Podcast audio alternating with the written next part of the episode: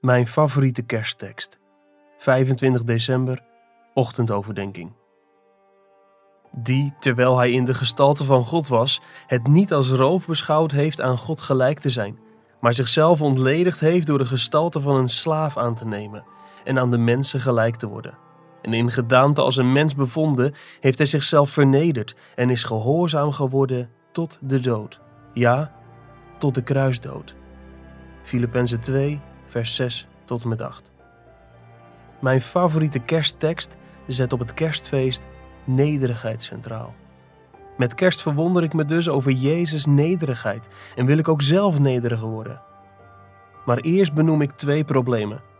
Tim Keller laat ons een van die problemen zien als hij opmerkt: nederigheid schrik je zo snel af. Zodra je erover begint te praten, verdwijnt ze. Een meditatie over nederigheid lijkt dus zijn doel voorbij te schieten. Maar zelfs verlegen mensen komen soms tevoorschijn als je hen goed behandelt. Het andere probleem is dat Jezus niet om dezelfde reden nederig was als dat wij dat zijn of zouden moeten zijn. Hoe kan het ons dan helpen als we nadenken over Jezus' nederigheid bij kerst? Onze nederigheid als die er al is, is op onze eindigheid, onvolmaaktheid en zondigheid gebaseerd. Maar de eeuwige Zoon van God was niet eindig. Hij was niet onvolmaakt, hij was ook niet zondig. Jezus' nederigheid heeft dus een andere oorsprong dan onze nederigheid.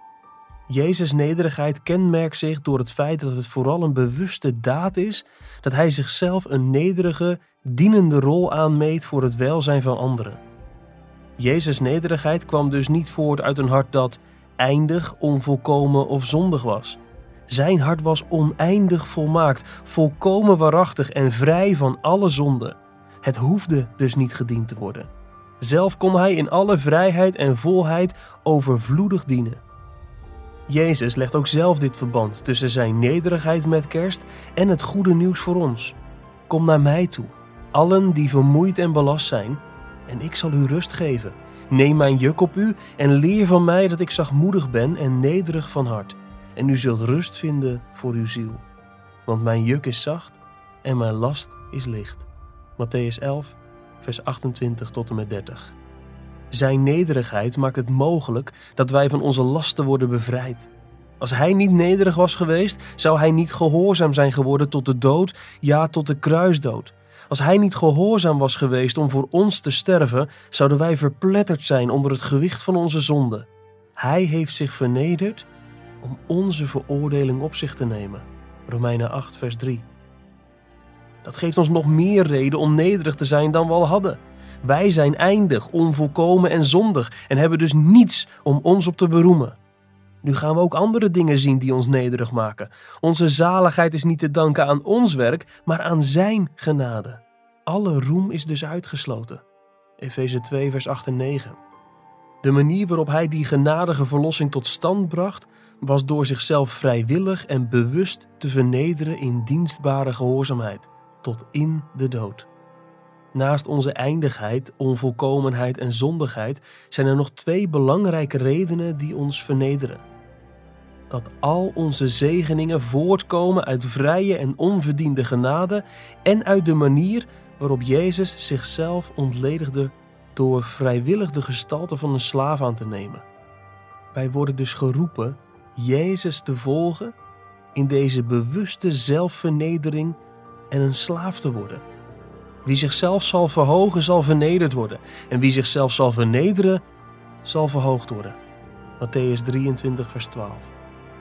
Laat daarom die gezindheid in u zijn die ook in Christus Jezus was. Filippenzen 2, vers 5.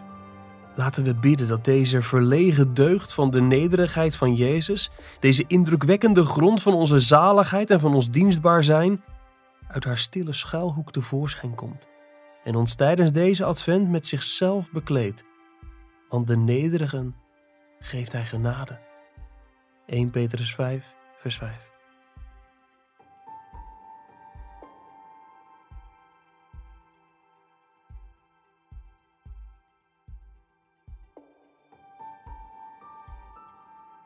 Je luisterde naar een overdenking uit het boek Onwankelbare Vreugde van John Piper.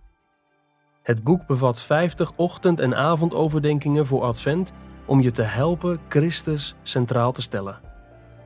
Ga naar de webshop van Geloofstrusting om het boek te bestellen of ga naar onwankelbarevreugde.nl voor een online dagboek voor het hele jaar.